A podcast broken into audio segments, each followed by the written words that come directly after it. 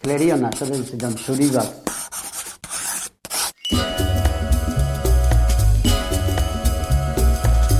Klariona. Esteila sindikatuak eta Bilbo iria irratiak elkarlanean eginiko saioa.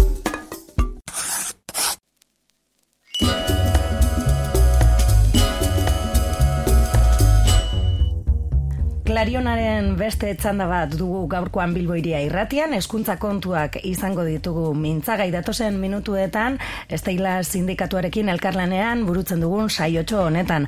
Ana Perez dugu gurean, egun honana. Egun hon. Bueno, gaurkoan e, eskolako ordutegiari eta egutegiari ere begira jarriko gara, ez? E, gure eskola egutegia bueno, eta laneko egutegia ia ia orokorrean esango genuke, e, begira, begira dago e, ba, erligio jaietara. Eta da sindikatutik hori aldatzeko gogoa edo e, maigainean jarri duzue behin baino gehiagotan, ez? Askotan ere, e, egutegia ez delako urtero berdina e, aste santuko oporrak, esango gendun kurso erdiko oporrak, esan alko gendun, uh data ezberdinetan etortzen direlako, eta horrek ere, ba, kursoa edo e, bai, ikasturtea aldatu egiten du. Bai, noski, antolaketa guztiz ezberdina da. Ze, aste santua, e, erligio jai bat guztiz antolak eta paganoa du. Mm Ze ilargia da, ilargiaren arabera jausten da, orduan ilargiaren faseak hogeita sortzi egunekoa direnez, mm ba, azte santua urte batean jauz daiteke martxoaren bukaeran, eta daibidez datorren urtean bukatxe, jauzriko da, iarriago beraz, bigarren eta hirugarren trimestrea horren arabera antolatu behar da. Ba, hori oso zaila da. Kontuan izan da, gainera, hori, ba, bigarren, hirugarren trimestrean, azterketak eta ba, froga horrelako errebalida frogak eta mm. orduan ikasturtearen azken zanpa eta ohikoa da beti ere azkenean hor gogorren atortzen dela ere ez? Bai, bai. ikaslentzat eta irakaslearentzat ere. Bai eta orduan batzuetan bi hilabete oso eskaz da hori guzti antolatzeko. Eta pentsa dezakegu bueno ba aurretik egin dezakete mm ze total aste kopuru berdina da. Baina ez da gauza bera umeak ez dira berdin ailegatzen eh 12 aste e, egon eta gero edo ama zei aste egon da. Orduan guk ere gure rendimendua nabaritzen dugu ez gaude berdin hori ba lehenengo hileko lehenengo astean edo astelenetan edo ostiraletan eta neke hori ba badoa metatzen orduan esan dezakegu bueno ba rendimientoa bera egiten du gero eta aste gehiago ematen baldin badugu klasean ez da Aipatu behar da, ordutegi kopurua eta egun kopurua urtero berdina dela. Bai, Hori ez bai, da bai. Aldatzen, baina, ez da aldatzen. baina ez berdina da, lau hilabete jarraian bazaude klasean edo lanean, Mhm. edo e, hiru edo bi. Bai, guk e, gure eskaera da, bueno, ba, antolatzea hori, ba, lan, laneko asteak eta de, atxeden asteak apur bat era orekatuagoan antolatzea ez da. Eta hori ez da guk asmatutako gauza bat, hori ba, Europako hainbat herritan egiten da, adibidez hemen gertuenak, ba, Frantzian edo Italian horrelako egutegia badago. Nola dute andolat, antolatuta esaterako, ezagutzeko e, gure entzulek ere ezaguteko beste egutego mota bat. Ze, gaur egun ezagutzen dugun egutegia, uste dut e, ikasi eskolatik pasatu garen guztiek ezagutu dugula berdin. Ez da lako azken urteetan, bueno, e, e, inongo Bai. aldaketarik egin. Bai, bai, ze nik horrelako egutegia nuen eta oraingo eta egoera gizartea eredua Guztiz aldatu aldatuta da, bai. emakumeak lanera edo lan, lan merkatura sartu dira, beraz, ja etxe guztietan ez dago pertsona bat, pertsona hori normalean, normalean izaten zen ama izatea, batzuetan egoten zen ama eta mama orduan, bueno, ba, jai egunetan edo horrela solteak, ba, ez zuten inolako arazorik sortzen, ze inor bazegoen etxean. Gauza bera gertatzen da, tarteko e, ordutegiarekin, eguerdiko ordutegia oso luzea da. Lehen, ni gogoratzen dut, hori, ni etxera joaten nintzen, bazkaltzera orduan behar genuen denbora etxera joateko, bazkaltzeko eta etxetik bueltatzeko eskolara. Orain hori ez da gertatzen. Euneko, iaia, euneko laro gehieta marrak, e, eumen euneko laro gehieta marra, bazkaltzen du jantokian, eskolako jantokian, beraz, hor- horren beste denboraz da beharrezkoa. Orduan, azkenean, almatu behar ditugu hainbat ekintza, ba, umeak atendituta egoteko, eta, baina, klaro, pentsatu behar dugu, bederatzietan sartzen dira, lauterdietan ateratzen badira, eta zenbat ordu ematen dituzte umeak aktivitate bideratuen pe- menpean, ez da? Orduan, batzuetan gero esaten dugu eske ailegatzen da asteburua eta ez dakite zer egin, ez daukat iniziatibarik, eske ez diegu aukera ematen autonomoak izateko. Bueno, hori alde batetik. Baina egutegia beste lehen esan dudan bezala, ez da Frantzian edo Italian edo orain aurten Kantabrian hasi dira hori aplikatzen, ez da? Orduan dira, ba, sortzi bederatzi aste, klaseko aste eta aste bete bat libre. Baina libre, aste bete libre hori ez da umeak esko, e, etxean, direla. Hor, implikazioa egon behar da beste instituzio Instituzio batzuen partetik, ez? Ba, udaletxeak, baina hori ere orain egiten da, adibidez, ustaian, ba...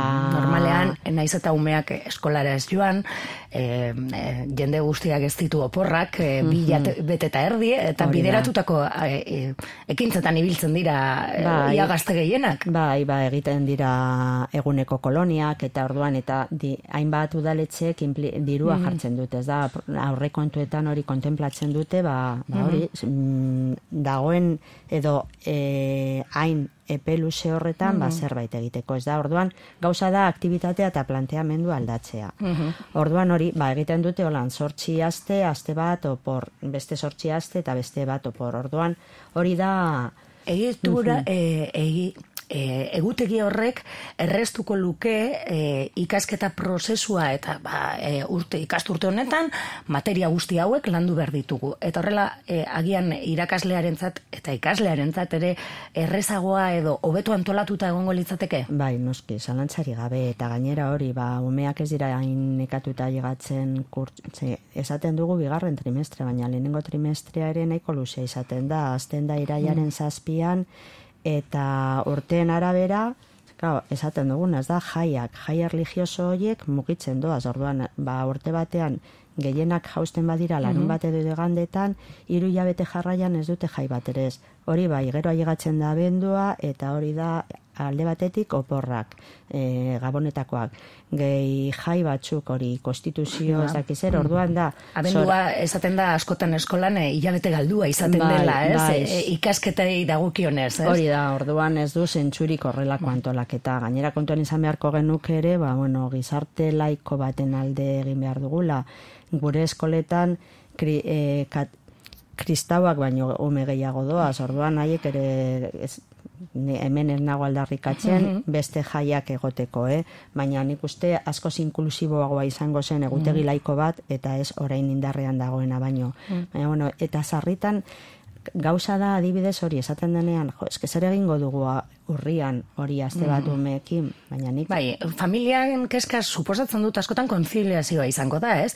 Nola aldatuko dugu zigu badakigu ja nola an- antolatu, baina gaur egungo egutegiak ere konziliazioa beste arazo batzuk ditu. Bai, bai, eta kontuan izan behar dugu eskola ezin dala konziliaziora- konziliaziorako tresna bakarra. Orduan hori da, ba, bueno, ba, nik ez dut ezagutzen irakasleaz bazara eta irakasleek ez dugu ere e, umeek duten beste opor, ez da? Baina bi hilabete terdiko oporraldia izango duen pertsonak nik ez ditut ezagutzen. Orduan, gauza da hori, umeak, kasu horretan, umeak egongo ziren eskoletan, ba, ekainaren bukaera arte eta gero ba iraiaren hasieran hasiko ziren. Orduan ba ustaia osoa eta abuztua eta depende batzuetan hasten dira igual abuztuaren erdialdean.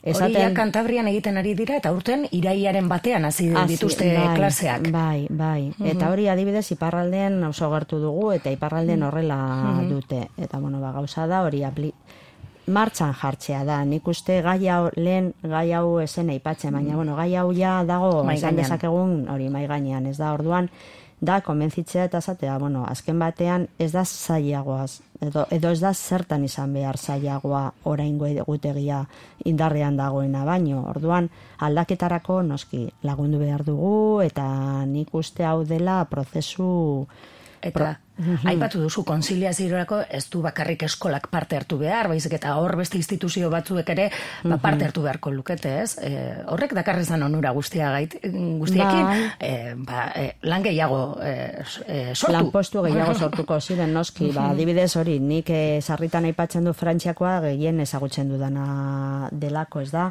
baina hor eta han gainera egiten dutena da departamentu guztiek ez dute aste berean oporrak. Orduan ba, op, e, asteko por horretan, edo porretako aste horretan, ba, adibidez, e, neguan, ba, eramaten dituzte umeak, ba, eskiatxera, ez dakizer, orduan, zerbitzu guztiak ere mugitzen ari dira. Eta orduan, ba, departamentu honetan, aste honetan baldin badute opor, eta urrengoan urrengoan, ume guztiak ari dira arrotatzen. Ez da, Mm. zorrezegatik batzuetan soaz kanpora, eta esaten zuen, ume, hauek ez dute... Eskolarik? ba, ba, bai, badute, baina beste modu atolatzen. Eta holan ere, ekidituko genuke guk, ze adibidez, ailegatzen denean zubi bat, Mm. entzuten dugu. Ez dakizen bat milioi mm, auto atara behar dira.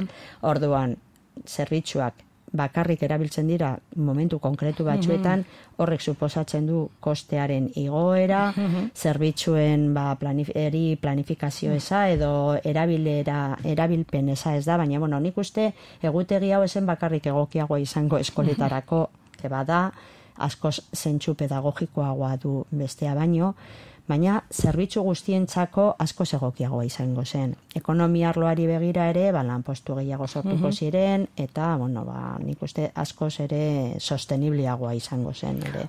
Ordutegiak ere keskatzen zaitue, e, gaur egun goizeko bederatzietan sartzen dira e, gaztetxoak gutxu gora bera. Bai, lehenago, gero eta lehenago Gero eta dira. Bai, eta terdiak arte inguru hortara arte egoten dira, ez? E, zuek proposatzen duzue, ba, goizaldeko, goizean, goizetiko, e, ba, bueno, ez, e, e, klaseak izatea, eta ondoren ja, ba, bueno, aizirako edo bestelako ikintzetarako e, e, bideratzea, ez? E, guardian tarte handi hori egin beharrean. Bai, baina, klaro, nik uste hau izan beharko zen e, ba ez dakit, gizarte osoko aldaketa bat, ze kontu, ez da bakarri gure ordutegia, langile gehienen ordutegia ere ez du, ez du zentsu handirik, e, eguerdiko tarteak oso luzeak dira, orduan, eta gero, mm, batzuetan, e, bi- udazkenean eta udaberrian ibiltzen gara ordua aurreratu atzeratu ez dakiz zer mm, aurresteko ekonomi, energia aurresteko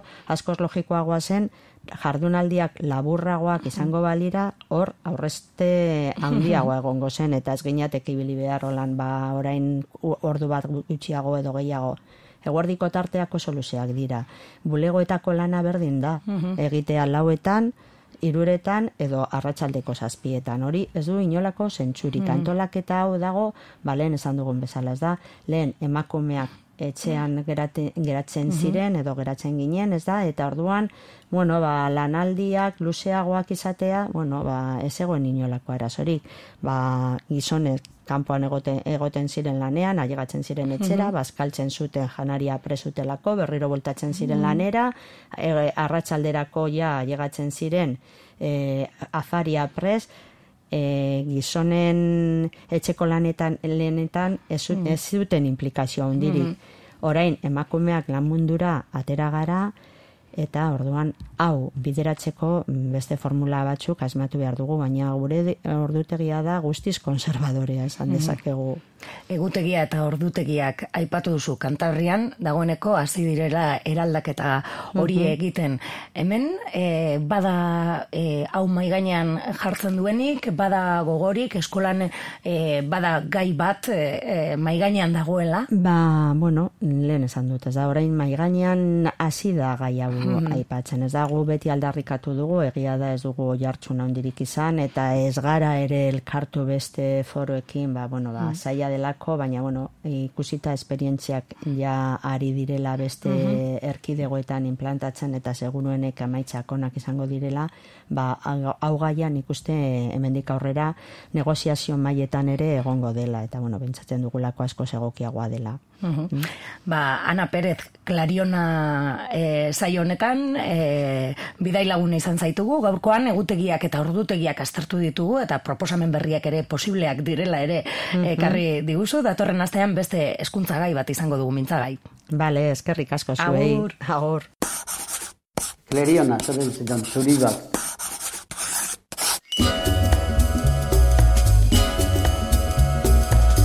Klariona.